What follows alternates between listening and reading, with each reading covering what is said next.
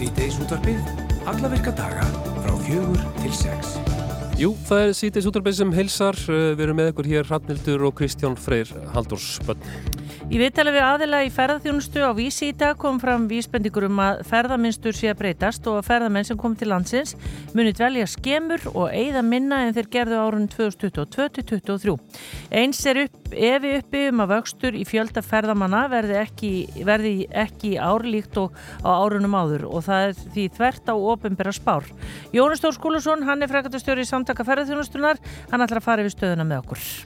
Jú, ákveðu hefur verið að senka upphafi skóladags unglinga í Reykjavík frá með næsta hausti og byrja skóladaginn uh, klukkan 9.10, tímundir yfir 9. Tilhörnaverkefni fór í gangi í Vogaskóla hausti 2022 og verist að gengi vel. Snædís Valstóttir, skólastöru í Vogaskóla, hún ætlar að segja okkur betur frá hvaða áhrif þessi breyting hafði á unglingana þar á bæ. Nýtt app hefur verið sett í loftið en það nefnist Giggo og þetta app á að hjálpa Gig samfélaginu að eflast og dafna og meðal þessum appi býður upp á er að þar geta einstaklingar og fyrirtæki sett inn auglýsingar um verkefni sem þarf að vinna og Giggarar bóðið sér fram í verkið. Og svo sem allt veit um Giggo heitir Anna Katrín Haldurstóttir og hún ætlar að koma til okkur eftir og segja okkur betur frá. Vetrarháttíð Reykjavík verður haldinn dagana 1. til 3. februar 2024 og fer háttíðin fram í öllum sex sveitafélagum höfuborgarsvæðisins. Þessi háttíð ljós og myrkur samastendur af þrem megin, þremur megin stóðum, sapnanótt, sundleganótt og ljósalist á samt yfir 150 viðbörðum þar sem að fjöldi listamanna tekur þátt í að skapa einstakastemningu í borginni. Aðalheiður Sveinstóttir, hún er verkefnastjóri hjá Reykjavíkuborg og hún kemur hinga til þess að segja okkur betur frá vetraháttíð. Og svo er þetta kveikstætti kvöldsins, þá voru fjallað um fangelsinsmál á Íslandi og í lýsingu þáttar er talað um fjársvelt og vannrækt kerfi og þeir koma til okkar Jóhann Bjarni Kolbensson og Yngvar Haugur Guðmusson til okkar og ætla að segja okkur aðeins frá bara því hvernig gekk að taka þarna upp. Þeir eru meir og minna búin að vera á litlarhaunni undanfanna vikur og árakstunum verður síndur í kveikstætti kvöldsins. Akkurat það. Þorrin hófst á bóndadegi síðasta fyrstu dag og hófst þá vertið þorrablótana. Ímis áttagafélög út á landi undirbúa það nú að blóta þorra sem á fjölmörg ílötafélög sem meðal annars hafa staði fyrir mjög fjölmennum þorrablótum hér siðra. En í neskustad austurafjörðum stendur undirbúningur fyrir komablót uh, núna bara í hávegum. Uh, þau eru nú varðla mörg komablótin framlýtur og hafi einhver haldið að dagar komablótsins í neskustad verið taldir þá verður sá eða svo hins sama að geta það snarlega ofan í sig segir í fréttum þetta blót en algjör meðsala er á þetta sérstakka sérstakku samgómum sem að framfer núna um helgina í 58. skiptið. Uh, Sigriður Margreit Guðjónsdóttir, eða Siggamagga, hún er formaður komablótsnendar og er komin á línuna. Sæl, Sigriður Margreit, eða Siggamagga. Já, sælublesaður. Mér var sagt uh, að þú svaraði valla kallinu Sigriður Margreit, þess að segja þetta nú bara svona heimilislega Uh, Siggamagga, segðu okkur frá því, hvað er komablót? Herðu komablót á rætu sem eru ekki til 1965 eða þá hétta allþjóðbandalagsblót í raun og veru og þá var það sérst engakur flokksmenn sem að máttu mæta og máttu bjóða með sér gestum svo lengi sem eigilsbúð þóldi. Það var bara svo leiðis. En svo hérna já, 2016 þá sprakk, eða 2015 sprakk þetta utan að sér og þá var ákveð að fara upp íþróttús með það. Þannig að, já. Þannig að það er þarna, áhugaður. það er þarna koma slags í það, það er alltaf að nóga fólki sem að vil mæta. já, ég vil ekki segja kannski þetta sem er orðið svona til gamans í dag, þannig séð. Það var svona farið að hleypa en ekki bara komum, þannig að svona setn, í setni tíð, þannig að svona núna, já það var, já, það var svo les Þú þarft ekki að hafa neitt flokks, flokkskistinni í vasanum eða vera í, nei, í nei. dimmröðum jakkafötum eða slíku? Nei, þetta, alls ekki Er þetta meira hluti bæjabúa sem að skemmti sér hann saman á komablóti? Já, algjörlega og svo koma náttúrulega aðflutti norðfeyringa líka og, og svo er hér sveitablót síðustafélgi þannig að það var um 200 manns þannig að við erum alveg hérna, erum alveg til í þorrablótin hér. Já, og þannig að það eru bara nokkri sem mæta á fleiri neitt eða hvað? Já, algjörlega, algjörlega. Já. Og sumir fara bara annað, það er bara svona misjant. Já. En það sem er svona skemmtilegt kannski við þetta blót líka er það að við erum sérst ennþá með trók sem við sérst gerum, þetta er bara búið að vera hefð frá upphafi alþjóðbandalagsblótsins að við sérst röðum í trók heima daginn fyrir blót. Já og svo bara, svo er farið með blóti, nei með tróið og blótstak nýri íþróttahús þar sem að þeim er að borð sem búið er að skipilegja og svo er bara að fara að blóta. Já, og sumir einhvern tíma var að þannig að menn voru með veigar undir borðum sem þú komið heimann, það má nú mæntalega ekki lengur eða hvað? Sjálfsögum á það, það er alveg, það má að. Það er bara svo leiðis, það er bara þannig. Og þú ert hérna, já. já, Sigga Magga, þú ert uh, formaður komablós nefndar, er, er, er hérna Mhm. Stendur undirbúningur sem hæst akkurat núna, er, er þetta heima tilbúin skemmtiadriði og allt svo leiðis? Já, algjörlega, það er bara svo leiðis, við erum á sviði og svo erum við með mynda, eða að já, við erum líka með svona sketsa og vídjói og þannig að þetta er bara mjög skemmtlegt. Og sem er kannski gaman að segja líka, það eru þrjú ár í raun og veru síðan að þess, þessi nefnd sem að í raun og veru er búin að vera nánast síðan alls því bandalagi var og hétt að þeir sögðu skilir við Smári Gesson og fleiri með honum. Og sem hafa búin að standa hann í 40 ára sviði og leika hinn ímsu skemmtiatrið sem hefur gerst árun áður í bænum. Og svo er búið ákveða það að nú verður sköpun í nefnd á hverju ári.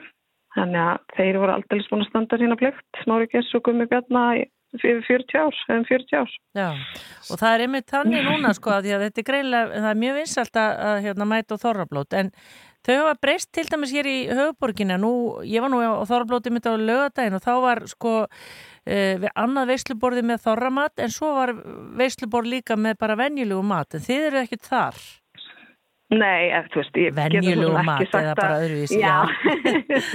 ég hef nú alveg frétt af pítsum og, og hérna kjúklingaleggjum og eitthvað svona í svona yngri kynnslóðinni en, Já, en já, en þau eru alveg líka með þorramatt mörg hver, þannig að það er mjög skemmtilegt að svo hefð ég heyrði í einhverjum er vest, ennþá í gangi. Ég heyrði í sko einhverjum vestfyrðingum hérna hinum einn, uh, þau voru að tala um sko aumingjaborðið, það sem var einmitt svona einhverja, einhverja pizza og patsa eða eitthvað sem það kallast allt saman. En er er, er einhverja sérstakar hefðir í, í hérna í réttunum uh, matislu að austan, svo bara spyr ég er, er Já, þetta við erum, Mm. sko við erum eina blótið eh, sem ég held ekki fullir sem eru með kótilettur. Já. Það hefur alltaf verið og það hefur svolítið bjargað yngri kynsluðinni. Einmitt. það eru kótilettunar. ekki, ekki súrar þó Nei, alls ekki, alls ekki. En ég held að það sé svona, svona svolítið sem við höfum og það er líka saltkjött, það er nú líklega í mörgum stöðum, en það er ekki allir með það, en kom- kó- kótilettunar er í hverju trögi held ég, já. getur fullist. Og er það kótilettur í raspi eða hvað? Já, Já, og já, sumir ganga svo langt að koma með þær volgar, sko. En yfirleitt eru þær kaldar. já, já. dásanlegt Heyrðu, er til miðar, ég er mjög spennt. Já, komum að mæta. Já. Við komum alltaf fleirum og fleirum við, alveg, alveg 100%. og Það verður þetta, engin látið vera úti. Nei, þetta er núna næsta lögadag og, og eru Mhm. hvað búist þið mikið af fólki? Fjölda? Sko, ég, sko, við náttúrulega erum bara orðlaus yfir þessari fjölgun. Þetta er náttúrulega næstu hundra manns eða rúmlega sem eru viðbútfræði fyrra og en við, eins og ég segi, það væri rosalega gaman. Er náttúrulega líka bara eftir bátunum og svona, skipunum okkar, Mm. hvar þau verða stödd. Það getur alveg fjölgað um fleiri ef að þau eru landi. Mm. Og fregnir er um að það sé ekkert rosalega góð spá yfir hafið, þannig að við kannski getum bara að fara að nálgast 700 manns. vá. Já, hérna. Þetta verður glæsileg veisla, það verður gaman að sjá Já, myndirnar, verður alveg það munum rættilega leka út á einhverja samfélagsmiðla nema þið hafið þetta bara alveg prívat. Já, Já, svo erum við líka svo heppin að við eigum Einar Ágústjarna og hann ætlar að koma og spila með gömlu úlingasveitinu sinni. Þannig já, að það verður við búinstu góðu balli. Einu var að lið, einmitt. Og, í einverðarliði í floknum. og, og smári Gersson með kannski eitthvað blues og jazz eða hvað. Já, hann er aldrei að vita hvað gerir. Það er svo leiðis. Herðu, Sigga Það Magga, er takk kærlega fyrir að segja okkur frá komablóti í Neskostad á Norrfyrði sem að verður núna lögadaginn Mhm. og við, við séum bara gangi ykkur vel með undirbúningin áfram og, og góða skemmtun og takk fyrir að vera línunni með Já. Já, og bara takk fyrir að við svatikli. takk fyrir, bless, bless. Takk, takk, já, bless, bless. Held ég nú, Kótilettur sem eru búin að liggja utan í súrum pungum, einmitt. það hljóma vel.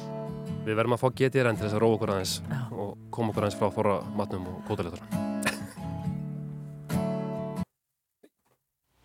Rástvö Quickstep Hardparkett á Hardparkett dögum Harðiðaval Vandaðu valið Kondu og gerðu góð kaup á útsölunni í Bíkó. Þú ert kannski bara í róleg heitunum að draga rafmagn í nýtt eldhús á kárastygnum. Skrítið að vilja hafa ljós svona í góðlistunum en allt í lagi þegar bara... Þú ert bara orðin vikingur. Haha, mörg hundruð miljónir.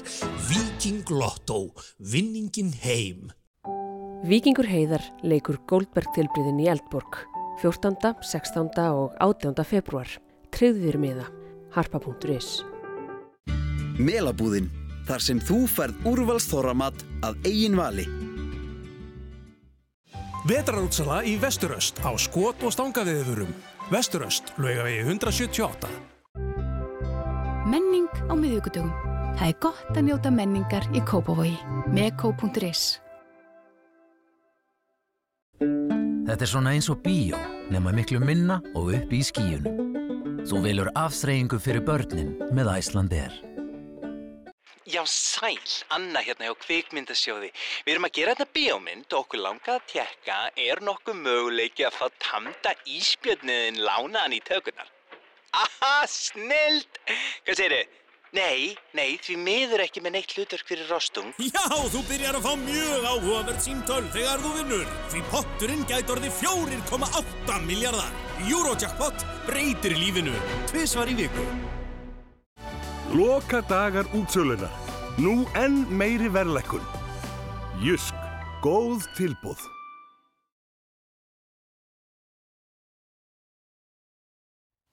Rástvö Quickstep Hardparkett á Hardparkett dögum. Harðiðaval. Vandaðu valið.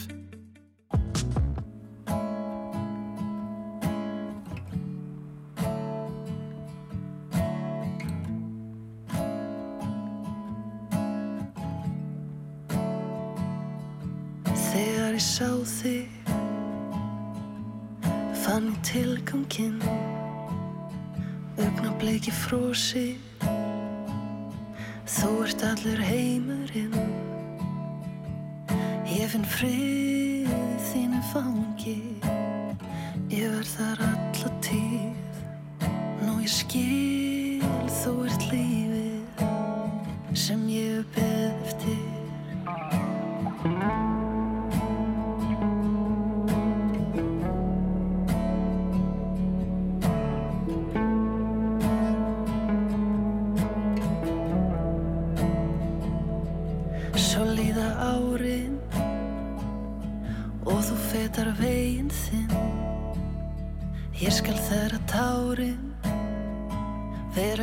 til að styðjast við. Ég vona sólinn skini á þig. Hvert skrifa leiðinni Þú veitir að það dimmir alltaf áður. En það byrstir til Frá morgni dags til sólalags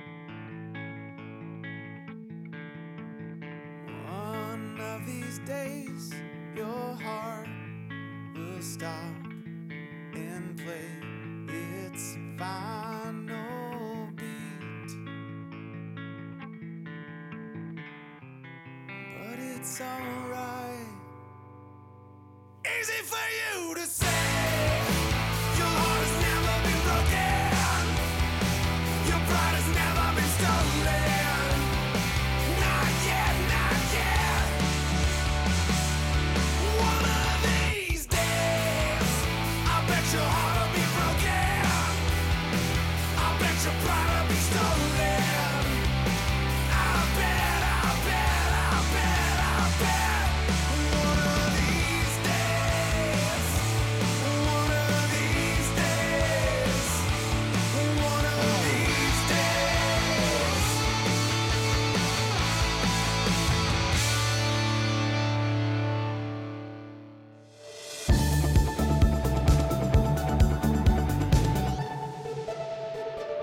Það held ég nú í viðtali við aðila í ferðjónustu á vísi í dag. Þá kom fram að það veri vísbendingur um að ferðamistu sé að breytast og að ferðamenn sem kom til landsins muni dvelja skemur og eigða minna en þeir gerðu árun 2022-2023 og uh, það er eins uh, uppi, ef við uppi um að vöxtur í fjöldaferðmanna verði kannski ekki eins mikil eins og árum áður og við erum náttúrulega óttastlegin þegar við heyrum svona fréttir og Jónas Þór Skúlússon, frangatustjóri eh, samtakaferðarþjónustunar, hvað segir okkur? Eru, eru blikur á lofti? Komið sæl, já, já, blikur og blikur, það er náttúrulega ímislegt sem er að leggjast saman, við þekkjum öll náttúrulega hamfæriðnar á Reykjanesinu og svona höfum rætt áður frétta flutningina af þeim sem hefur farið náttúrulega misjaflega ofan í fólk sem ekki þekkir jável til jarðhræringa og eldgossa og alls konar mismunandi típa af raunum og hitt og þetta eins og við. Um, og það er mjög eðlegt sem að fyrir að áhrifin voru mjög mikil til að byrja með, sérstaklega með að það var mikil óvisa um, og þeirra gætir ennþá, núna til nýs í janúar og februar, við sjáum það ennþá og núna er alltaf aðal bókunar tímanbili hafi fyrir sumarið, þráttur í það þá svona lítur þetta nú ágætlega út og, og hérna e, á bókunum en mikið af því eru það sem við kallum blokkbókanir í gistingunni til dæmis sem því er að ferðaskrifstóri er búin að taka frá ákveðin fjölda herbergja en eiga eftir að selja ferðirnar mm. og, og það kemur ljós kannski í mars, byrjun april hversu stór hluti af því verður í rauninni að ferðum en síðan erum við líka bara að sjá önnur almenn áhrif sem við kannski vorum byrjuð að tala um fljóðlega eftir faraldurinn þegar við sáum þessa gríðalu aukningu þá vorum við að tala um, ef fólk mann, að að hérna, hluti af því væri vegna þess að fólk væri búið að vera að spara sér fjö í ferðalög á þessum faraldus árum og væri að nýta það þá, stoppa lengur, eða meiri peningum og svo framvegs, fleiri sem voru í, í ferðahug. Og það er búið að vera þannig nú undan farin tvö ár og svona við töldum að einhver tíma færi nú að, að, að léttast í pingjunni af þessum uppsafnaða sjóði og það er aðeins byrjað að gerast núna verist þeirra og svo erum við líka að sjá kannski tvo aðra þætti sem að er að hafa áhrif og það er er eh, nummer eitt bara verðlaga á Íslandi er orðið mjög hátt í samanbyrði við, við eh, aðra áfangastæð og það er ímislega sem þar kemur til, náttúrulega eftirspurnin hefur verið mjög mikil og, og frambóða á til dæmis gístrými er mjög misjaflega mikið á misjaflega stöðum á landinu þannig að sumur stöðum hefur verið mjög þjætt til dæmis yfir sumarið og, og það hefur ítt verðinu til dæmis svolítið upp. Við erum líka með, með hérna bara svona eins og gerist á markanum, síðan erum við með, höfum verið með heldur þráláttir og meiri verðbólgu hér heldur en í í eh, nágrannaríkjónum og svona öðrum stöðum sem við erum að keppa við. Þannig að aðra áfangastæði kannski ekki þurft að glíma við það og geta haldið verðinu aðeins meira niðri þá til samanburðar. Eh, og síðan hefur krónan hækkað sem gerir Íslanda að dýrari áfangastæð fyrir fólk bæði í Európu og Ameríku. Og þetta leggst allt svona svolítið, svolítið saman um að við erum kannski fann að sjá aðeins áhrif líka núna á, á verðlægið þessi verðlags áhrif á, á eftirspurnina. Mm.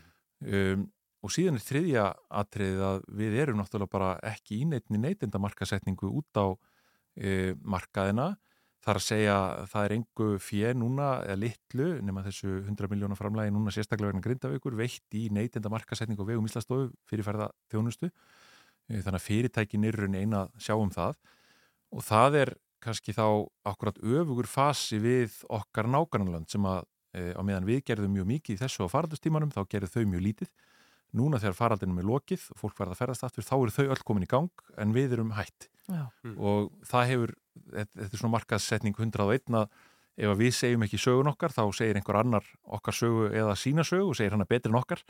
Og, og það er líka að hafa einhver áhrif á þetta, við vitum ekki nákvæmlega hver mikið, en þetta er allt svona að spilast saman og, og um, afleiðingin er, er svo að við sjáum að kannski þarf ekki mikla reyfingu á þessum stilliskrúum til þess að í staðin fyrir að við séum með, við tölum um fjöldaferðamanna sem er svona stæð sem að veginn, allir eiga auðvöld með átt að segja á um, að hún verði ekki 2,4 miljónir á orðinu eins og við verðum að spá heldur kannski bara aftur 2,2 eða jafnvel bara 2,1 200-300.000 manns til að frá er ekki drosalega stóra stærðir í þessu.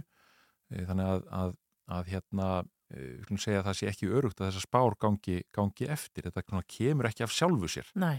og hérna þannig að en það sem er kannski áhugavert og, og alvarlegra heldur en það að fjöldi ferðamanna verði minni mögulega af því að við erum ju ekki með eitthvað sérstætt markmiðum að hinga að koma alltaf fleiri og fleiri og fleiri.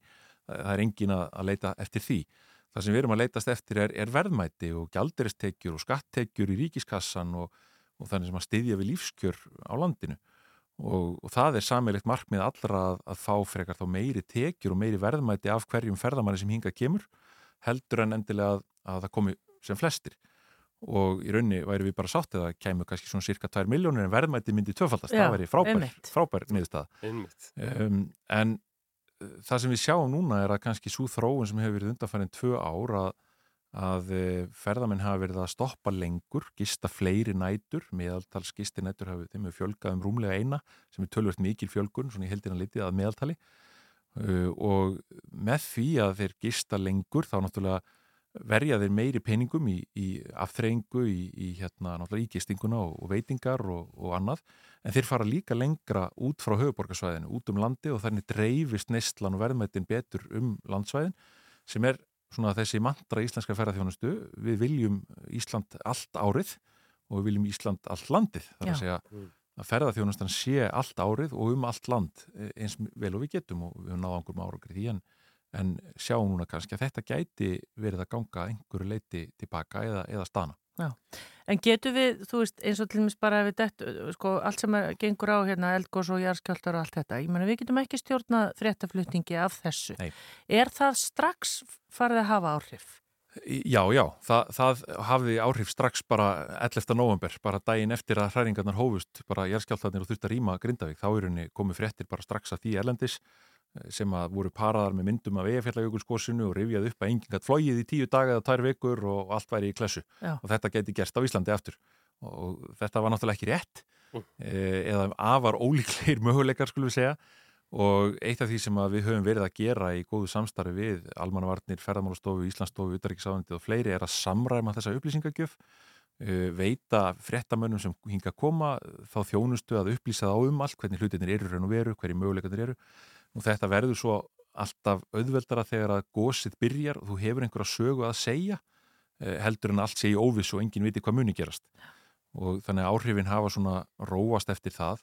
Þannig að það voru kannski fyrst afbúkanir en svo kannski, Nei, það sem gerðist í rauninni í kringum þessar jarðhræringar var að það var ekki beinar afbókanir, fólk flutti bókanir sínar, kannski yfir áramótin, en það hættu, bara, það var bara stopp í nýjum bókunum. já, já, já. Og það er svona það sem við sáum fram á, það er rauninni afleðingin, stóra afleðingin að þessu og það, það bókanarhrun er rauninni eh, að einhverju leiti enn í gangi þar að segja afleðingarnar af því að fólk er svona meira að hugsa sig um en það kannski annars væri og á þessum tíma. Já, þú nefnir líka uh, nokkra punkta hann sem er áhugaverðir varandi eins og með COVID og kannski einhverja afleið, afleiður af því að, að við höfum til dæmis talað um það hér að, að það eru komið svona langtíma áhrif á bara heilsu landans.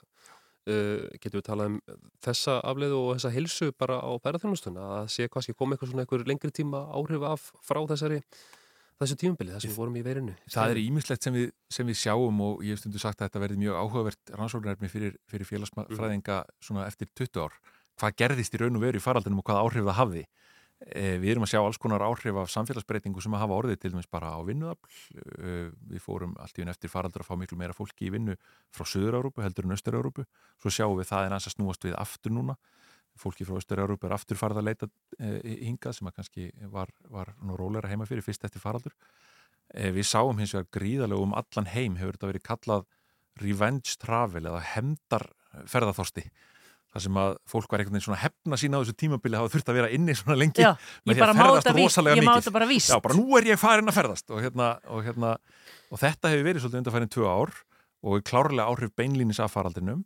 Uh, við erum líka að sjá það að sko, framtíð ferðarþjónustu almennt er björt og bæði hér á landi og annar staðar því að nýjar kynnslóður eru til dæmis uh, samkvæmt könnunum og ímsum rannsóknum farnar að forgangsraða í rauninni upplifun umfram önnur velalleg gæði í staðan fyrir að kaupa sér bíl að eða þá penningunum í ferðalög uh, eða eitthvað slíkt í staðan fyrir að kaupa sér húsnæði að, að leia sér minna húsnæði og, og nota mismunum í í ferðalög og, og fleiri upplifanir. Þannig að þetta er eitt sem að er, að er að klárlega aukast núna eftir faraldurinn. Væntanlega tengt í að fólk svona vil hafa meiri stjórn á einn lífi mm. og ímsu slíku en hvað varðar íslenska ferðarþjónustu þá, þá heldur við getum alveg hort til þess að hún er, hún er framtíðin er sterk.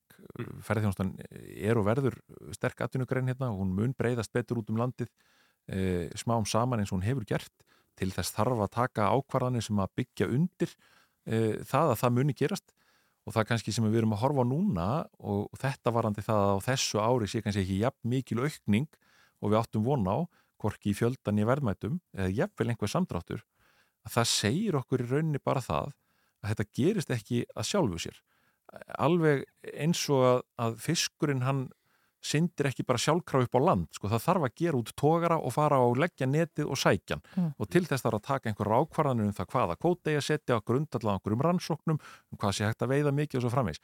Ferðarþjónustan er alveg eins þetta er bara aðtunugrein þar sem að þarf að sapna gögnum, rannsaka, það þarf að fara og marka setja vegna þess að ólíkt e, þoskinum að þá syndir ferðamæðurinn ekki bara í Nei. netið eins og þoskurinn þegar það er lagt sko. það þarf að sannfæra ferðamannin Mm. um að þetta net sé betra heldur en netið sem normenn er að leggja Já. og svo framvegs þannig að allt vinnur þetta svona saman og, og já, það er eiginlega svolítið skilabóð þetta gerist ekki að, að sjálfu sér það Nei. þarf að, að svona það þarf að leggja netið rétt En þurfum við ekki bara að nota tíman og byggja áframundur innviðin okkar? Jú, við þurfum að halda því áfram. Við þurfum líka að, að fá fyrst og fremst festu og fyrirsjáanleika í e, uppbyggingu atvinnugreinarinnar. Þannig að við séum ekki að sjá aftur og aftur til dæmis svona ákvarðanir um, um nýja skattlagningu eða aukningu á skattlagningu bara með örskamum fyrirvara.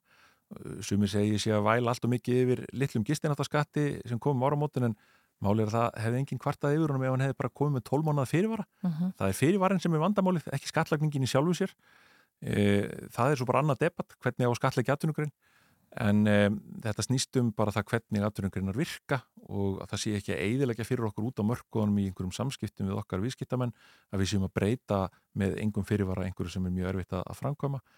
Og þú veist þannig að allt leggst þetta svona saman og, og svo getur við eh, svona lagst í það hér í svona hálftíma klukkutíma að ræða eh, alls konar hugmyndir verkeflisefingarinnar um, um eh, já, hvað ég að segja, var ekki þreföld, það eru auðlindagjald og komugjald og hækkun og virðsugaskatti á ferðarþjónustu til þess að fjármagna alls konar hluti sem Mm. að náttúrulega myndi bara einfallega að drepa þessa atvinnugrein niður. Tökum það í næsta þætti. Já, nú fá það aftur bara. En bara við draugum þetta saman rétt í lokinni, Jónis, ertu svona hóflega bjart síð, þú ert ekki svart síð, þetta er breyting en ekki endilega það svartasta sem að...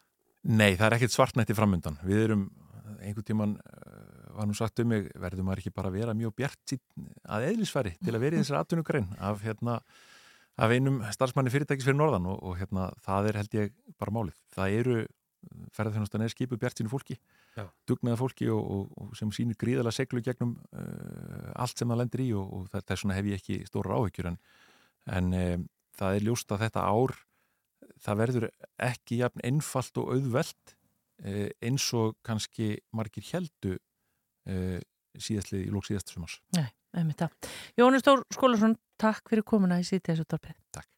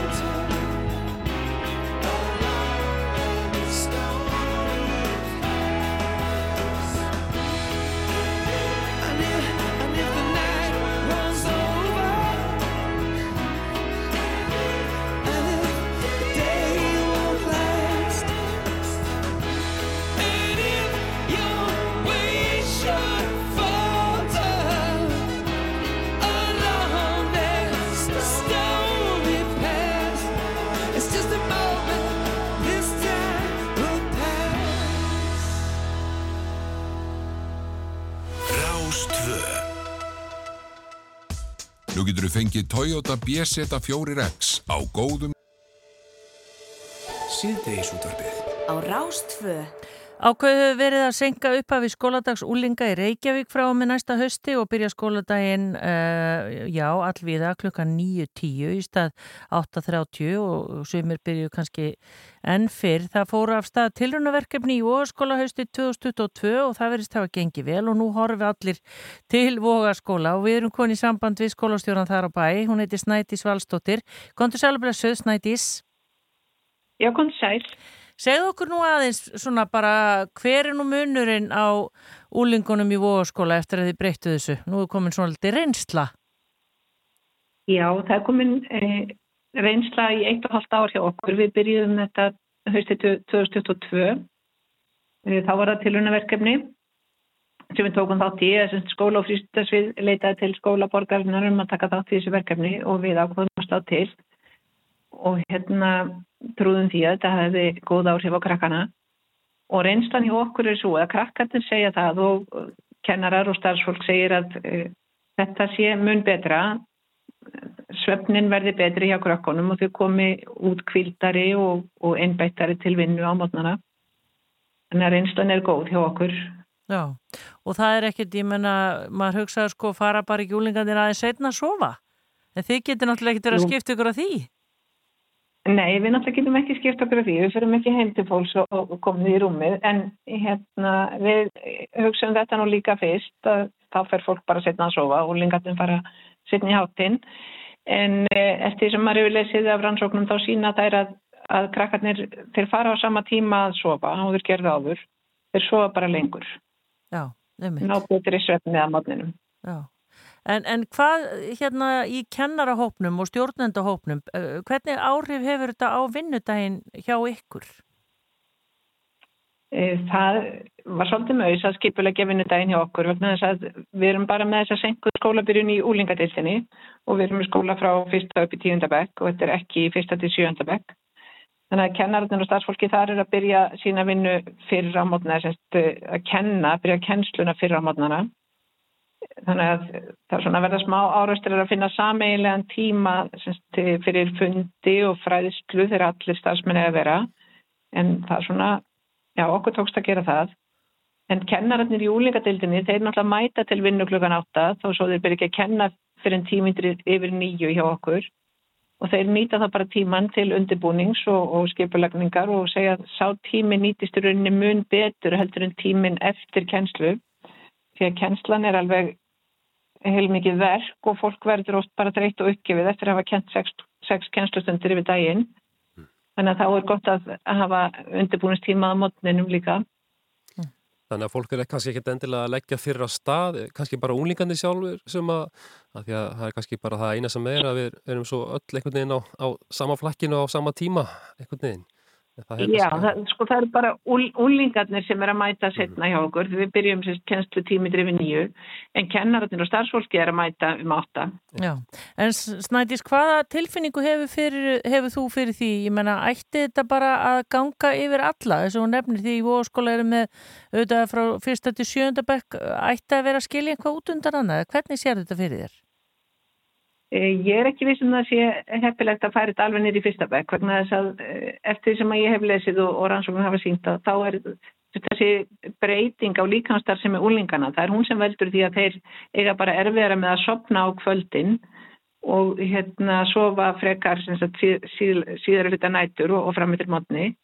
Yngri börnin eiga bara auðveldara með að sopna á kvöldin þannig að ég held að sé ekki ástæði til að senka skólabyrjun hjá þeim Næ, en e, og svo, ég menna, verður eitthvað mælt e, með námsárangur eða eitthvað slíkt, er hægt að, e, heldur að það verður hægt að gera það eftir einhver ár, hver munurinn er?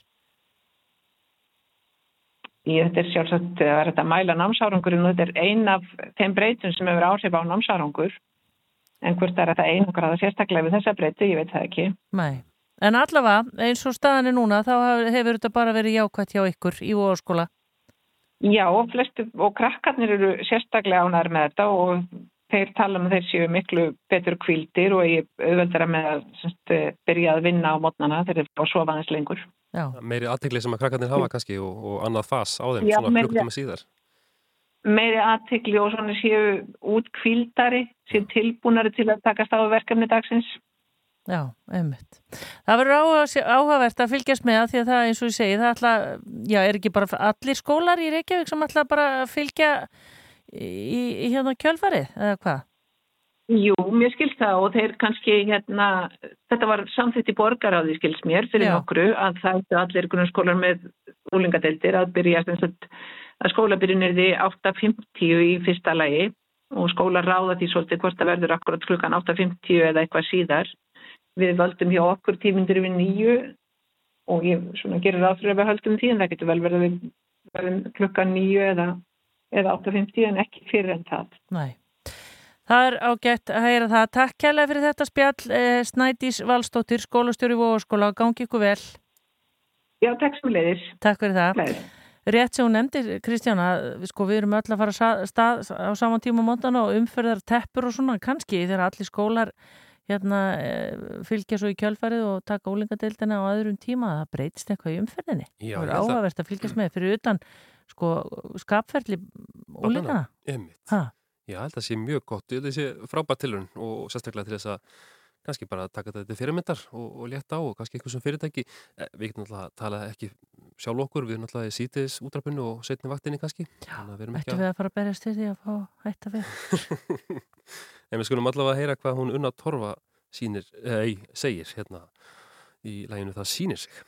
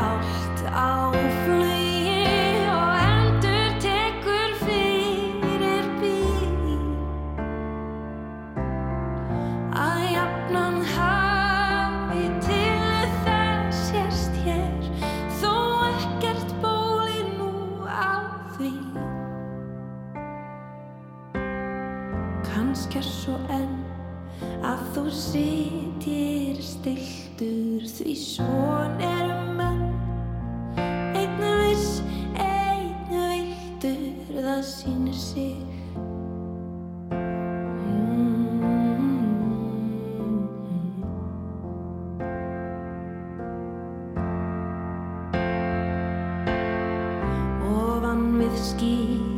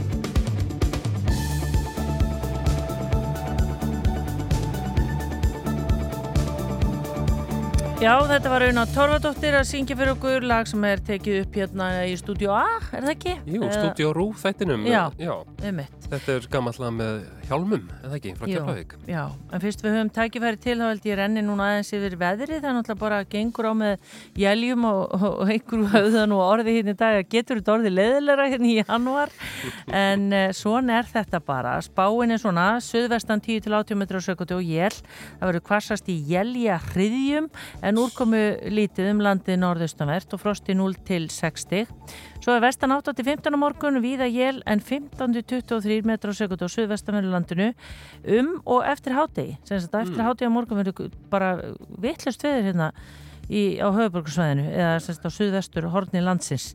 Og lengst af verður þurft á austurlandi og svo dregur úr vindi og ofan komu annað kvöld. Þannig að uh, já, það er bara vetur konungur uh, í gangi hjá okkur. En það styttist nú í janúar endan í, í þessum janúar mánuði samt. Skulum Já, hugsa sér, 31. janúar á morgun. Já. En uh, við ætlum hér uh, á eftir að tala um nýtt app sem hefur verið sett í loftið og það nefnist Giggo og þetta er sagt til að hjálpa Gig samfélaginu, veistu hvað það er? Gig samfélagi? Jú, jú, ég hef hérna giggað stundum Já, sjálfur. já. En hérna þetta næri yfir, sko, ekki bara skemmtikrafta, heldur yðnamenn og sérfræðinga og slíkt. Þannig Alls konar. Já. Heyrum meir um Mjög það flott. hér á eftir sest hjá okkur hérna Anna Katrín Haldarsdóttir. Já, svo ætlum við líka aðeins að fá að heyra meira um uh, vetrarháttíð sem að hefst núna um helgina. Er alltaf að koma til okkar, hún er verkefnastjóri hjá Reykjavík borg og að segja okkur hvað, hvað verður svona helst. Já, og þeir eru náttúrulega hoknir af reynslu þar á bæ. Það er oftast brjála, brjála viður á Já. vetrarháttíð en, en það er samt góð þáttaka. Fólk tekur þátt í þessu. Þetta er gott uppbrott ofan í hríðarkófið að fá smá ljósaháttíð og fara í sund og söfnin. Þetta Já, er eitthislegt. allt frýtt maður, þetta Já, er geggja. Og svo ætlaði þeir að koma til okkar uh, tveir uh, kappar sem eru búin að vera önnum kappnir undarfarnar vikur. Þeir Jóhann Bjarni Kolbensson fréttamaður og Yngvar Haugur uh, Guðmusson myndatökumæður. Þeir eru umsjónamenn Kveiks þáttar kvöldsins sem að uh, Uh, já, það er eitt umfjöllunarefni í kvöld og þar verður fjallað um fangelsismál á Íslandi og í lýsingu þáttar þá er talað um fjársvelt og vanrækt kerfi og það er um að gera að uh, fylgjast með þessum þætti því þarna talaðir bara við þá sem að þarna eru fanga sem að segja bara sína sögu og hvernig er að vera þarna og var áhugavert að heyra þessu hérna eftir. En við ætlum að leipa tilkynningum og fréttum. Kveikur er strax eftir Kastljós og fréttis. 20.05, já.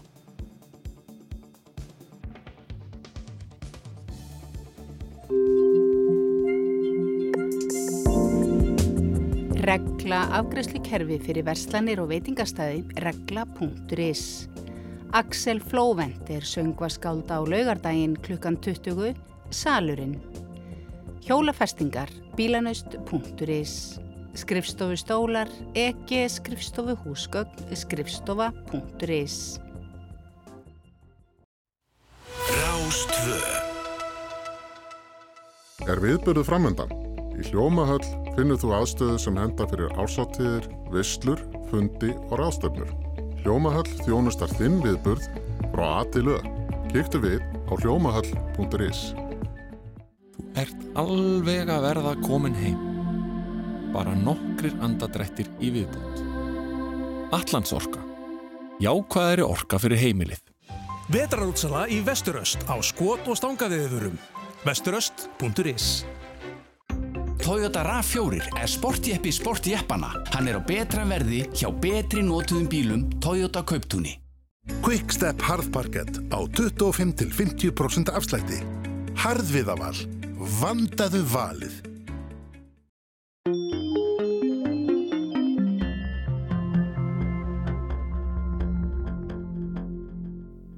Fréttastofa Rúf klukkana 5, Anna Lilja Þóristóttir segi fréttir. Íbúafundi sem halda átt í Vestmanneum í kvöldum samgöngur á milli lands og eiga hefur verið fresta vegna fjárveru Sigurðar Inga Jóhanssonar innviðar á þeirra. Í tilkynningu af ef Vestmanneiabæjar segir að samgöngur á milli lands og eiga hafi verið með þeim hætti í dag að þær henduð ekki ráþeranum. Reyndar hafi verið bæði silt og flogi til eiga í morgun, ráð þegar hann hafiði ætla sér að koma með flugi síðdegis sem var svo aflýst vegna veðurs. Rétt þykki að fresta fundinum þar sem hinn pólitíski ábyrðamaður samgangnana eins og það er orðað geti ekki sótan. En fundinum verður auðlistur þegar ný tímasetning hefur fundist.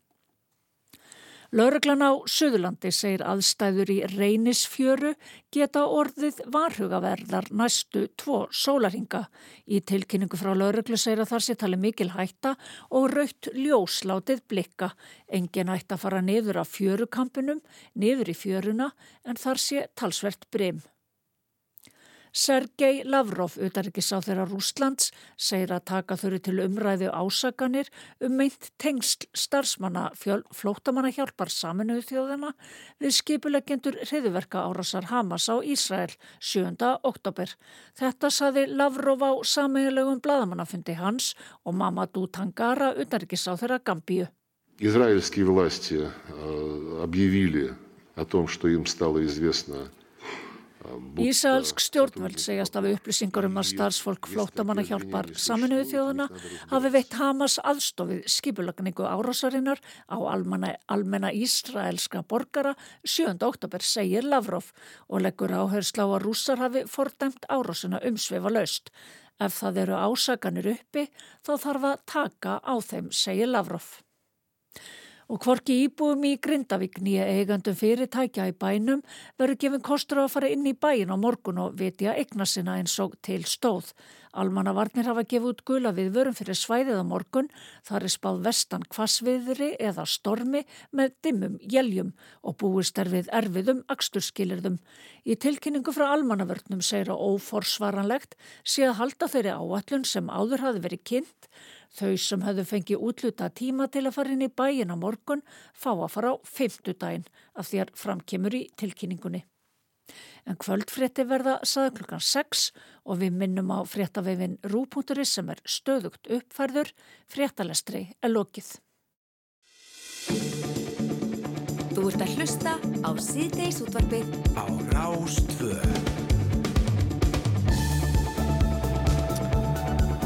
Já, við ætlum að halda inn í setni klukkutíman hér í síðdegisútarfnu á Rás 2 og við ætlum að tala næstu mínuturnar um nýtt app sem hefur verið sett í loftið og það nefnist Giggo og þetta app ásynst að hjálpa Gig samfélaginu að eblast og dapna og hingaði komin Anna-Katrín Haldurstóttir sem er frangatastjóri Alfreds sem að setti þetta app á stað. Velkomin.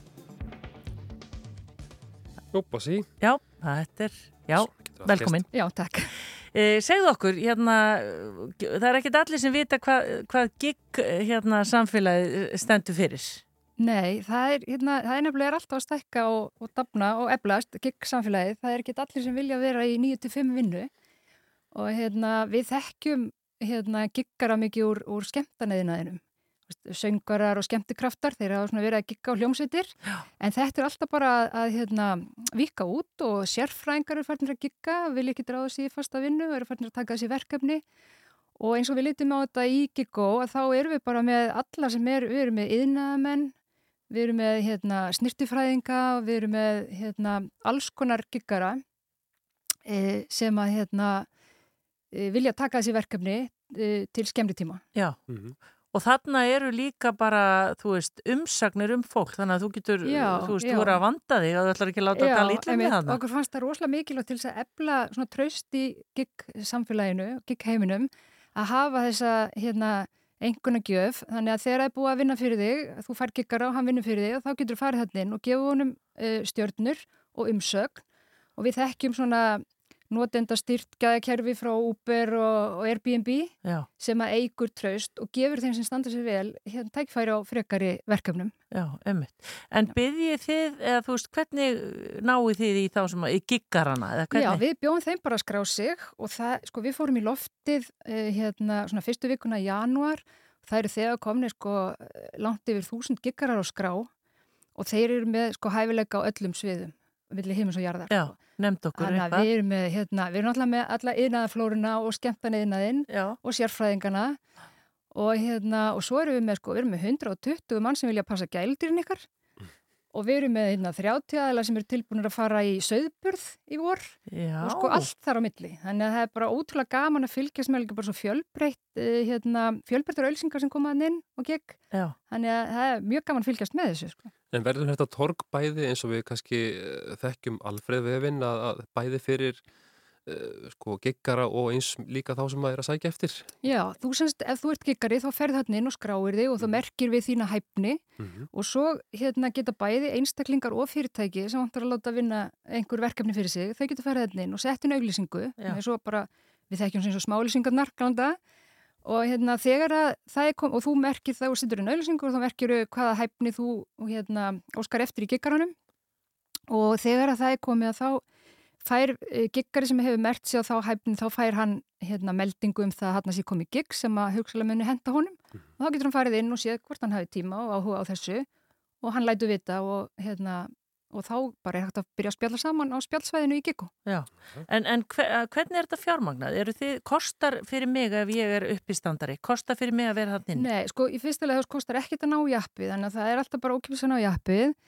Það er ókipis fyrir giggar að skrá sig og eins og er þá er ókipis líka að setja inn auðvilsingu. Já. Þannig að ég myndi endilega hvetja alla til þess að prófa. Einmitt. Hérna vantar leikara í aðal og auka hlutverk á tónlistamindbandi og það vantar þvóttavel og þurkara í flutning Kristján, er eitthvað hérna sem heitlar þig? Flísalegja eldhús og veggi Hæ? Já, nei, flísalegja eldhús og veggi og skiptum hurðavegg þannig að þetta er bara, þetta er eins fjölbreytt eins og bara Já, já.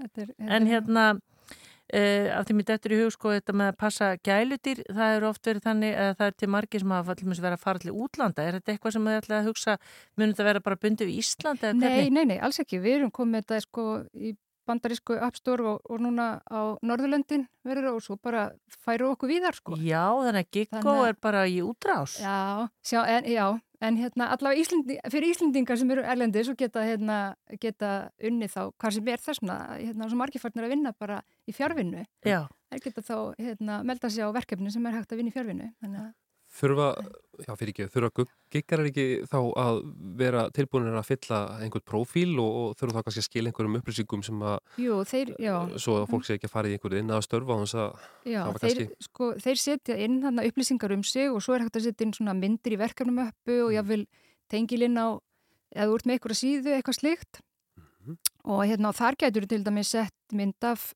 sveinsbrifinu þínu já, og hérna sínt fram á það, þú sett hérna lögildur. Já, þannig að þið eru að alveg að fylgjast með... Við erum ekki að fylgjast með því eins og er, þá eru við ekkit að fylgjast með því. Nei, Nei. en það segir sér sjálft að ef þú ert með þetta allt á hreinu, þá séu kannski meiri já, líkur á að, að fólk velji þig. Já, og svo eftir því sem að hérna, það byggist upp hérna engunagjöfin og fólk fyrir að sjá svona hérna að þessi fær fimmstjórnur þá hérna er meir líkur á að velja hann. Já. en eins og við vitum, Airbnb þegar maður að velja sér íbúð það, maður skoðar alltaf í vjúhin og, og, hérna, og velja það sem fær bestu engun En hvar hafði, er þetta í rauninni bara svona það sem er að taka við af smáelisungum úr blöðum og svona eða hvernig, hvar var vettvangur í hjá þessu fólki sem að Já, það er nefnilega máli, þess góð viðbröð, það var eiginlega engin vettvangu fyrir þetta. Þetta voru svona ymsir hópar á Facebook. Já, svo máttu svona takmarka og auðvisa þar kannski. Já, og hérna, þannig að ef að þú, og ég til dæmis tala reynsluna því mig vantæði hérna bara í fyrirtæki okkur, vantæði hérna svona sérfræðing til þess að halda fyrir okkur fyrirlestur um ákveði málefni og ég vissi bara eiginlega ekkert hvert ég ætti að snúa mér að leita að því og ég setti bara einu ölsingu þarna og ég fekk alveg fullt af hérna flottu fólki sem var tilbúið í þetta og með þekking á þessu sviði sem ég hef bara aldrei fundið annars. Já. Ótrúlega sniðut. Þetta er, já, við mælum með að fólk prófi. Já, já, og þetta snýst, já, þannig að er þess vanist að fólki við, eða hafi einhvers konar endurgjöf þannig að það sé þetta fylgjast með í öllu saman og, og það er kannski betra að hún sé ekki endilega að draga fólk nýður endilega eða Ég menn þið fylgist heldur ekki með því ef ég er ekki ána með yðnamanni sem ég fekk má ég þó skrifa, fylgist þið Nei, við, sko, það er náttúrulega skilmoral þannig að hérna, fólk það náttúrulega að gæta Ég fyrir ekki að nýða skóina nei, nei, nei, nei, og hérna, við treysnum því að fólk sé bara sangjandi sinni hérna, sínum umsóknum og einhvernagjöfum en ef það er eitthvað svona, hérna, við myndum nú kannski gripinni að það væri eitthvað hérna, ósýðilegt eða eitthvað slíkt sem að kemur hérna fram sko. en annars bara treystum við því að fólk uh, skrifi satt og rétt Einmitt, já Þið farið bara inn á App Store ef þið eru með iPhone og finnið þetta eða eitthvað annað. Þetta heitir bara Giggo. Þetta heitir Giggo með ói. Já, já. bara til ham ekki með þetta. Anna Katrín Haldurstóttir, framkvæmtastjóri Alfreds. Takk fyrir komuna í Síðdeisútvarpið. Takk, takk. Síðdeisútvarpið. Á Rástföð.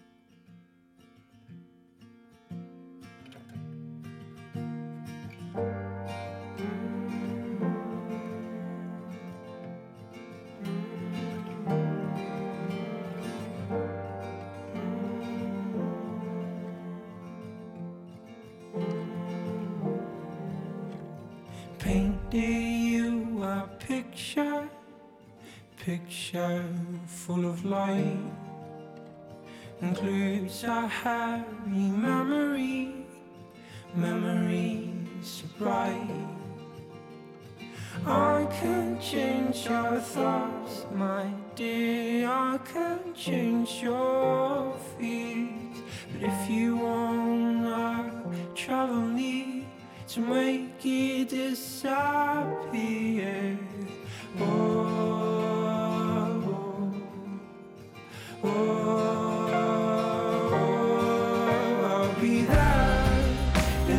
summer. Cause your heart isn't safe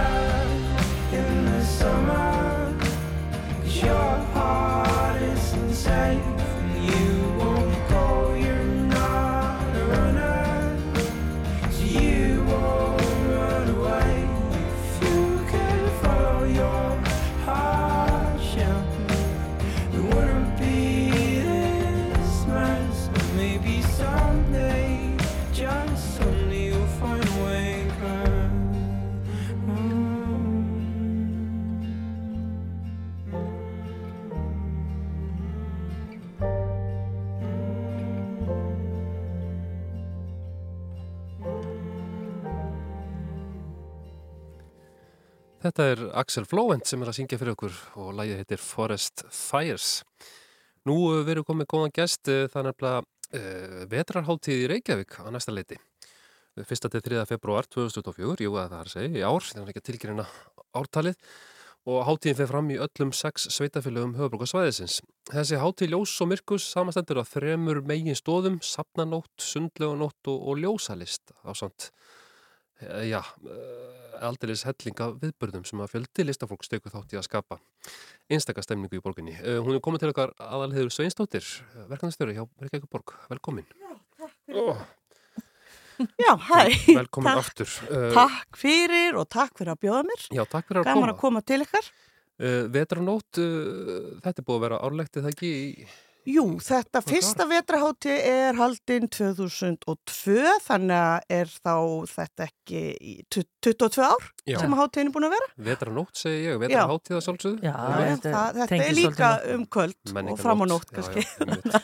Akkurat. En 22 ára og hún er algjörlega, hún er búin að festa sig verulega í sessi. Þú veit allir svona nánast hvað þetta er. Já, það, það gerir það. Þetta er svona alltaf fyrsta helgin í februar. Ég meina það, janúar er búin að vera erfiður og þungur. Þannig að strax í byrjun februar þá viljum við fara að hafa það svolítið meira gaman. Já. Og hvað er betur en að bara fara á söfn og safnanótt sem er núna á förstu daginn og svo er sundleganótt á morgun. Þá eru 13 sundlegar held ég að sé á öllu höfuborgarsvæðinu sem er bara með opið fyrir alla, frítinn og margar með alls konar skemmtilegar uppakomur. Það er til dæmis fljótandi fyrirlestur í hérna sundhöllinni og breiðhalslög sem er nú svolítið svona eitthvað öðruvísi, ég, ég, meira veit ég ekki, en það er hægt að fara á vetrahátti.is og þar er margar upplýsingar hægt að finna, alla dagskrána, já og bara, já, meira til. Já, en þú sagði morgun, er þetta ekki byrjar Nei, ég meina á fimmtudaginn, Já, fyrir ekki. Já, einmitt.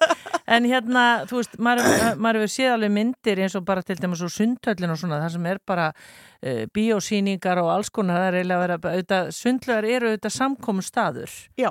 Þannig að hérna, það...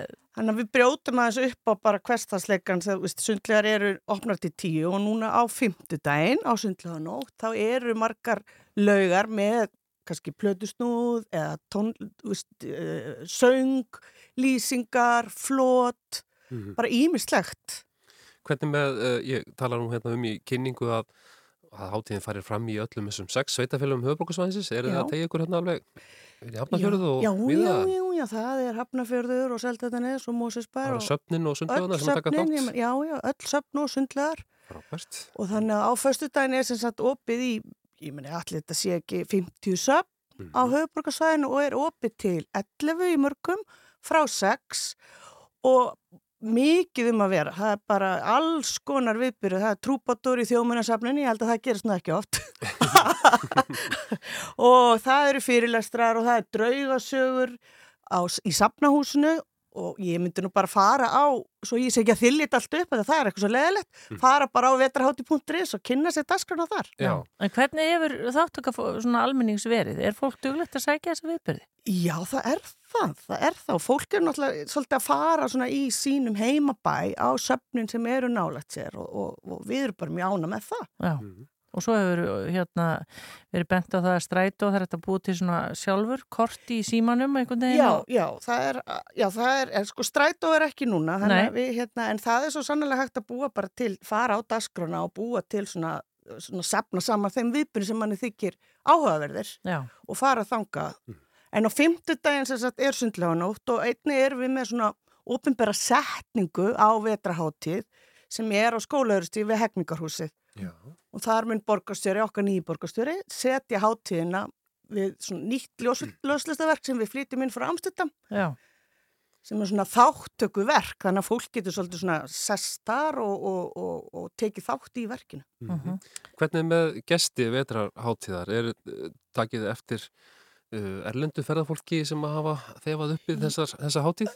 Já, það hefur, sko, við náttúrulega tókum aðeins pásu Mhm. og í fyrra var, það var bara svo mótt viður fyrir þannig en það er alveg, já, það eru ferðamenn sem að hafa áhuga á þessu líka mjög mikið og sérstaklega sundlega nótt og svo er ljóslistavegin sem er svona ljósa leið sem er gengi frá Hallgrímskirkju niður að Ráðhúsi og það eru, það eru 14 uh, ljóslistavegin, nei 21 fyrir ekki þannig að fólk getur svona gengið á millu og það er náttúrulega bara fyrir alla þannig að og ferðamenn að sjálfsög eru á meðal þeirra sem að njóta Mhm. ljósa leiðarinnar. Já, og vondaverður eru búið, það á að vera á morgun. Heyrðu það, ég var bara rétt á henni kom til ykkar, kíkti á veðurspána, það er bara blúsandi blíða, en Já. maður svona miða við fyrsta februar. Nei, Þannig á morgun bara verður þetta tekið út og svo á fimmtudaginn þá verður bara gott viður. Já. En við erum alltaf að einbetta okkur að því að þreja þorran og, og, og hérna, það er búið að tala um uh, sko, G-vítamín og, og, og hug- huga að geðheilbrið og öðru slíku en nokkuð betra heldur en að huga að uh, fara í sund og kikja á söfnin og, og menningu og list. Akkurat, og rölda bara í miðborginni og, og einmitt sjá ljóslistaverk, fara Mm. í sund og svo söfnin. Já. Já, allir að kíkja á það. Takk fyrir takk Sveinstadrú, fyrir við séum bara góða skemmtun. Og bara gleðilega hátíð, takk. Takk, takk. Þú ert að hlusta Á síðdeis útvarpið á Rás 2.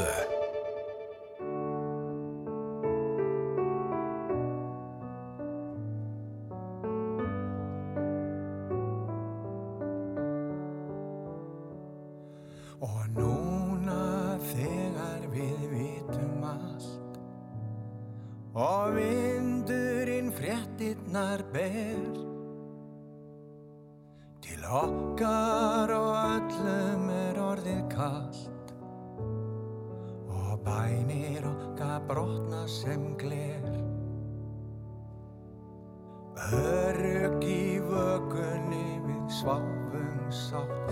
Sólríki dagar fullir af vær En frá himni fjell hinn svarta nátt Stormin í fangið óvænt þú fær Og ég beið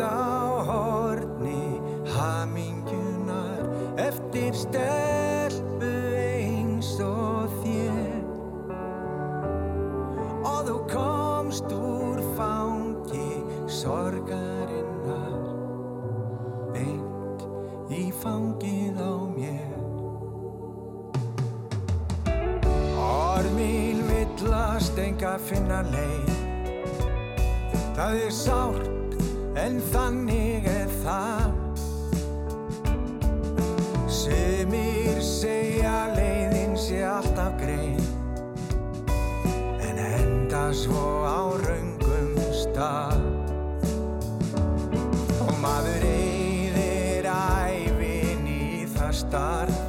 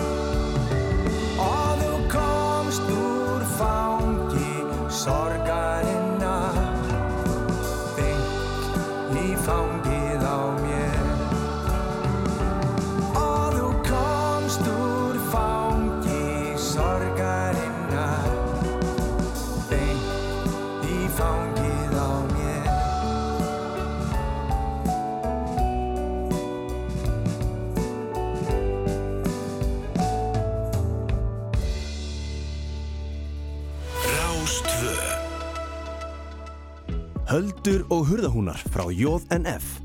Járn og gler skútúi. Járngler.is Oftar en ekki er gott að trýta sig. Krambúðin. Síðdeisútvarfið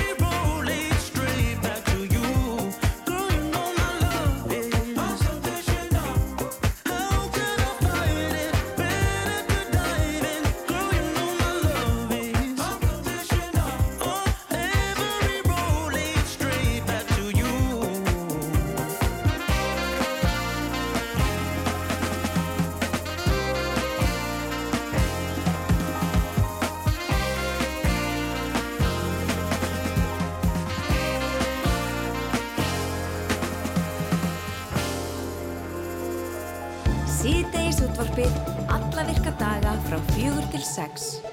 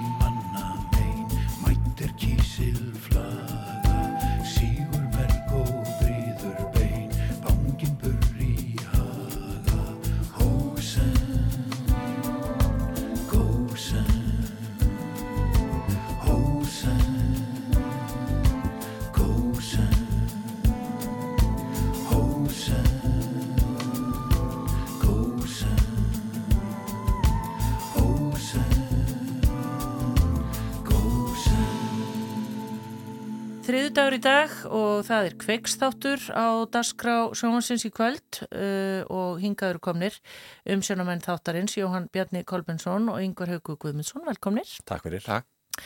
Uh, það eru fangilsismál á Íslandi til umfjöllunar í dag Já, það passar. og með hvað hætti, takkið á þessu. Sko, kannski byrjun á þessu er þessi skísla ríkisendurskoðuna sem kom út í desember þar sem að hún var ansi svört um, um stöðufanglismála heilt yfir og þar er mjög mikil gaggrinni sérstaklega á litla raun uh, að þar sé margt að og við vildum bara sína, sína hvað er að, bæði myndum og, og frásögnum uh, starfsmanna, stjórnenda og ekki síst náttúrulega fangana sjálfra. Já, og það hefur náttúrulega verið fangað með myndavélinni Já, aðstæðan. það er mjög áhugavert að koma hann inn. Maður hefur volað svona takmarka myndað í hvernig þetta er upplöfunin og sta staðarinn sko. Þetta er svolítið eins og lítið þorp og og hérna að lappa hérna um uh, sko það var áhugavert að heyra það, að því að það er náttúrulega mesta gaggrinni er á, á litlarhraun en svona frá upplöfun fangana þá verðistum sum allana finnst það betri staður bara út af, út af hérna því hvernig, hvernig þetta er skiplat þetta svæði sko Já. Betri staður en homsiði þar að segja betri staður en homsiði, já, Já. En, en hérna Er svona meiri eitthvað frálsræði eða hvernig? Já, þetta er opnara sko, Já, þetta er já. meira eins og þetta er meira eins og alvöru þorp Já, einmitt. þannig að upplifin er, hún er önnur sko Já. en, uh, en svo náttúrulega er er, er það, hún segir miklu örugari staður Já, en hvernig skiptist þetta, þú veist, hver er hvar? hvaða fangi fyrir Já, hvert já. það fara allir fangar til að byrja með í þessi lókuðu fangelsi sem er þá Littlarhraun eða Holmseði Eh, þeir sem eru ekki taldir hættulegir eða fá ekki með þungadóma það er mjög fljótlega þeir eru mjög, í, mjög fljótlega færðir í opnu fangilsin sem er þá sogn eða kvíabryggja en, en svo þeir sem að fá þingri dóma er náttúrulega mjög lengi í, í örgisfangilsunum og sérstaklega þeir sem eru taldir hættulegir samfélaginu Já, einmitt. Uh, ef að heyra eins brot, uh, þú uh, bara, menna menn stigu þarna fram og vildu alveg tala í myndavélinu og allt, eða hvað? Fangarnir voru mjög, mjög opnir fyrir því að, að tala við okkur, það var náttúrulega búið að láta vita að við varum á leiðinni og, og við fórum það á meðferðargangin sérstaklega, þar sem eru eins og nafni bendi til, fangar sem eru í meðferð og eru því kannski einhverjum skilningi á, á svona beinu brautin að reyna að taka sig á og þeir höfðu mikið áhuga á að tala við okkur og segja frá því sem að væri, já, gott og líka slengt í, í fangilsinu. Skulum kannski, já, bara heyra hvað nokkur höfðu að segja. En ef þú ættir að, að nefna eitthvað eitt eða tvent sem að þér finnst algjörlega þurfa að bæta tlumis, hér á Litlarunni, Hva, hvað væri það? Uh, ég held að það væri þessi geðheilbriðs tjónusta. Ég heyri bara strákan að tala mikið um það. Það er bara rosalega erfitt að fá viðtalana.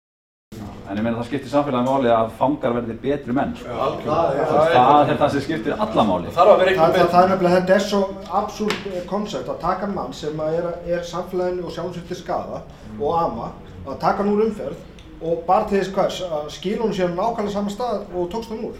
Þetta er bara algjörlega upp að mann eigi komið hvort maður, ætla- hvort maður er að skána eða ekki. Þannig að aðstæður hérna er ekki að hjálpa til? Nei, fangilsi er ekki að hjálpa til. Já, það má kannski draga þarna fram uh, þá staðarenda að maður verður kannski ekki endilega betri manneski með því að vera inn í fangilsi.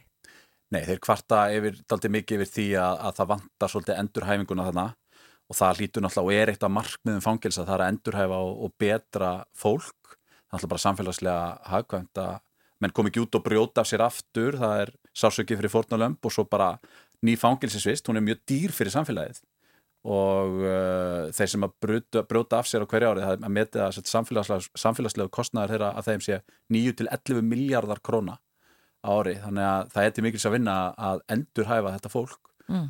fangilsin eru til þess en eins og við sjáum kannski kvöld þá er það ekki alltaf að virka. Nei, en yngvar, hérna, alveg frá hjartanu, voru þeir ekkert að kýpa sig við þó þú væri með myndavélina á lofti? Nei, það kom okkur mjög óvart. Að ég vissi ekkert við hverju ég ætti að búast en hérna dag eitt í tökum og þá stilti þeir sér bara upp fyrir okkur og töluði við okkur í jörgla korter það sem hefur voru að vinna í þóttahúsinu Mhm. það var svona fyrsta samtala okkar við fanga. En þeir eru að vísu allir blöraðir hver ef einn einasti fangi er blöraður í, í þettinum en við, þeir, þeir óskuð ekki eftir því að, röddum verið breytt að við heyrum rattir þeirra Einmitt. ó, ómengaðar. Já, og svo náttúrulega er það ekki fyrir hver að vera síðastur að sjá uh, hvernig er umhors á litlarunni á ekki fara að breyta öllu? Já, það var ekki að fara að breyta öllu, þá að byggja nýtt fangilsi Já, það er alveg nýtt. Já, þeir, Já. þeir meta það sem svo að byggingarna séu það sjúskaðar og illafarnar að það borgi sig ekki að gera við. Þannig að það stendur til og búið að taka ákvörðum að byggja nýtt fangilsi þarna við hliðina. Það hins vegar er langt í það. Þeir eru að Bjarsins spár eru segja loka ást 2028 þannig að það eru tæplega fimm ár sem að menn þurfa að búa við þessi, þessi húsakinni sem eru nú ekki upp á marga fiska sko, og, og þetta var ekki hannað sem fangilsi til að byrja með og það bara skapar opbúslega mikil vandræði og, og hættu hreinlega fyrir, fyrir fólk hana. Já, áhugavert, þetta er sem þetta verður tekið fyrir í kveikstætti kvöldsins, fangelsismál á Íslandi, fjársvelt og vanrækt kerfi. Eh, Jóhann Bjarni Kolbensson og Yngvar Hauku Guðmundsson, takk fyrir komuna í síðdeis útvarpið. Takk fyrir. Takk. Síðdeis útvarpið, alla virka daga frá fjögur til sex.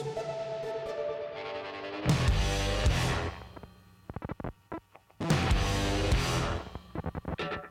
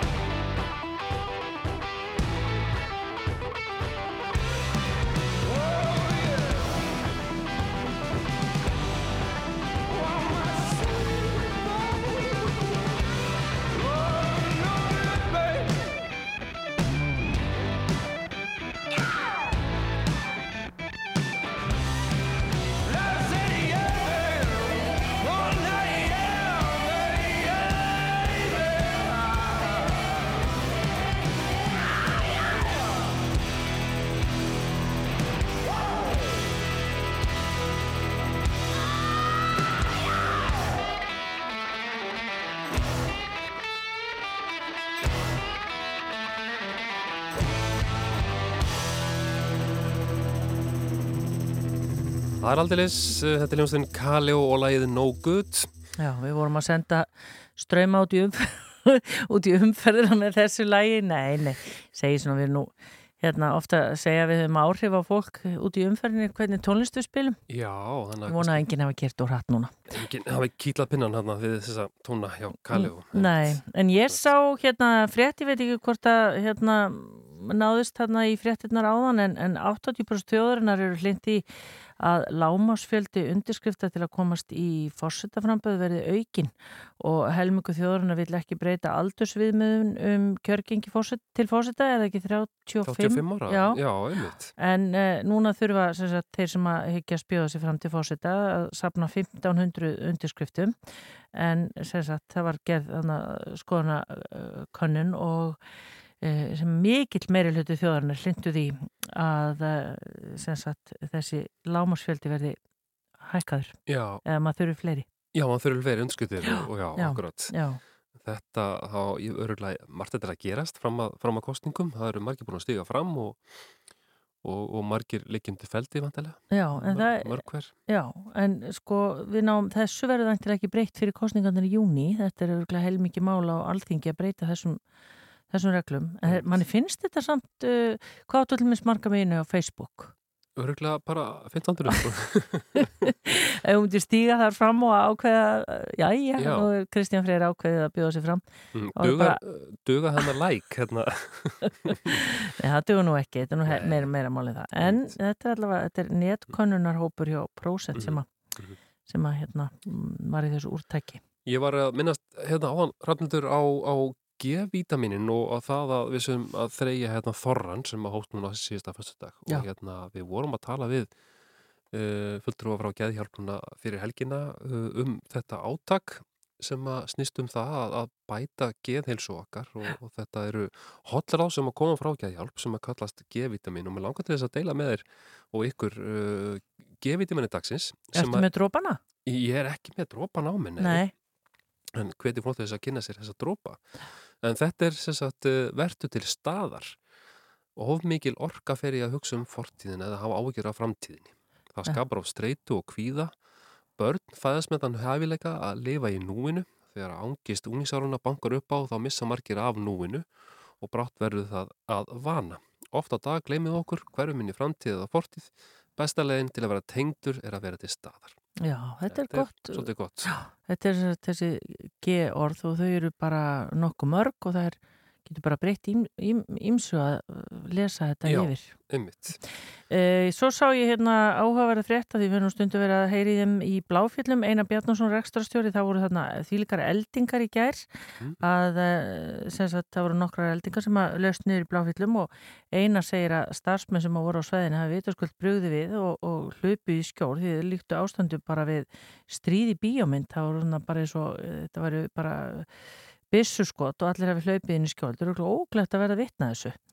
En, uh, og það er nú ekki komin inn að fréttur um það uh, hvort það hefur mikið skemst en hann segir hérna einar að þeir virðist hafa sle, uh, sloppið betur en áhorðist og að stólalifturnar eru komnar í lag á vísum þannig að losna við mikið kostnað. En var ekki litla kaffistofan þar hérna, Já. löst eldingu niður og, og, og skemmti þarna eitthvað í, í raf, ramagni á staðnum maður saknar svolítið uh, sko þegar frétta fólk að hérna á fréttastofu hérna og, og kannski annar staðar voru alltaf á litlu kaffistofunni Já. svona einhverju óveðri og öðru slíku Já. það var alltaf hérna, smá svona skot frá Einmitt. bara, Hvar eru þau núna?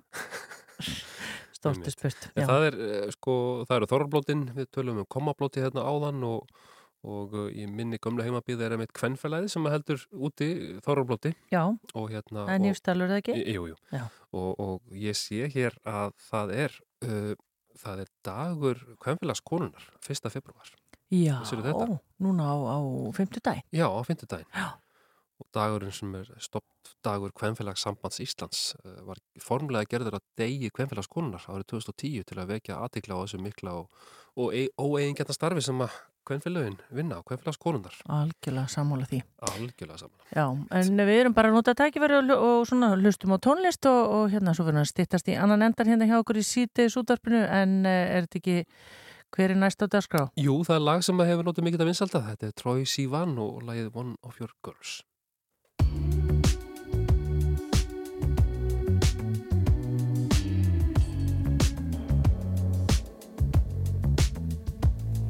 Everybody loves you, baby. You should trademark your face. Running on the block to be around you. But baby, I'm first in place. Face card, no cash, no credit.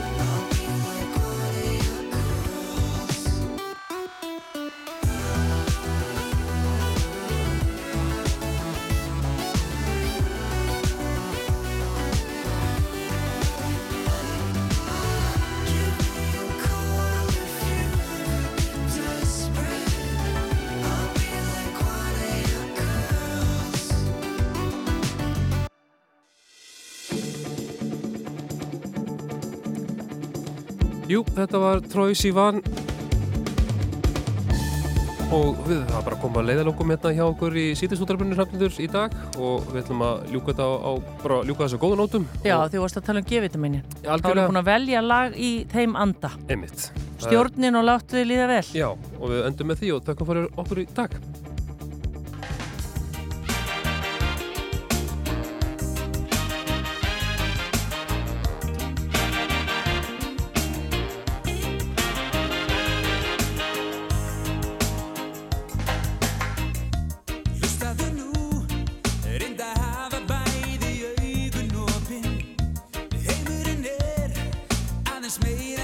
dancing flat.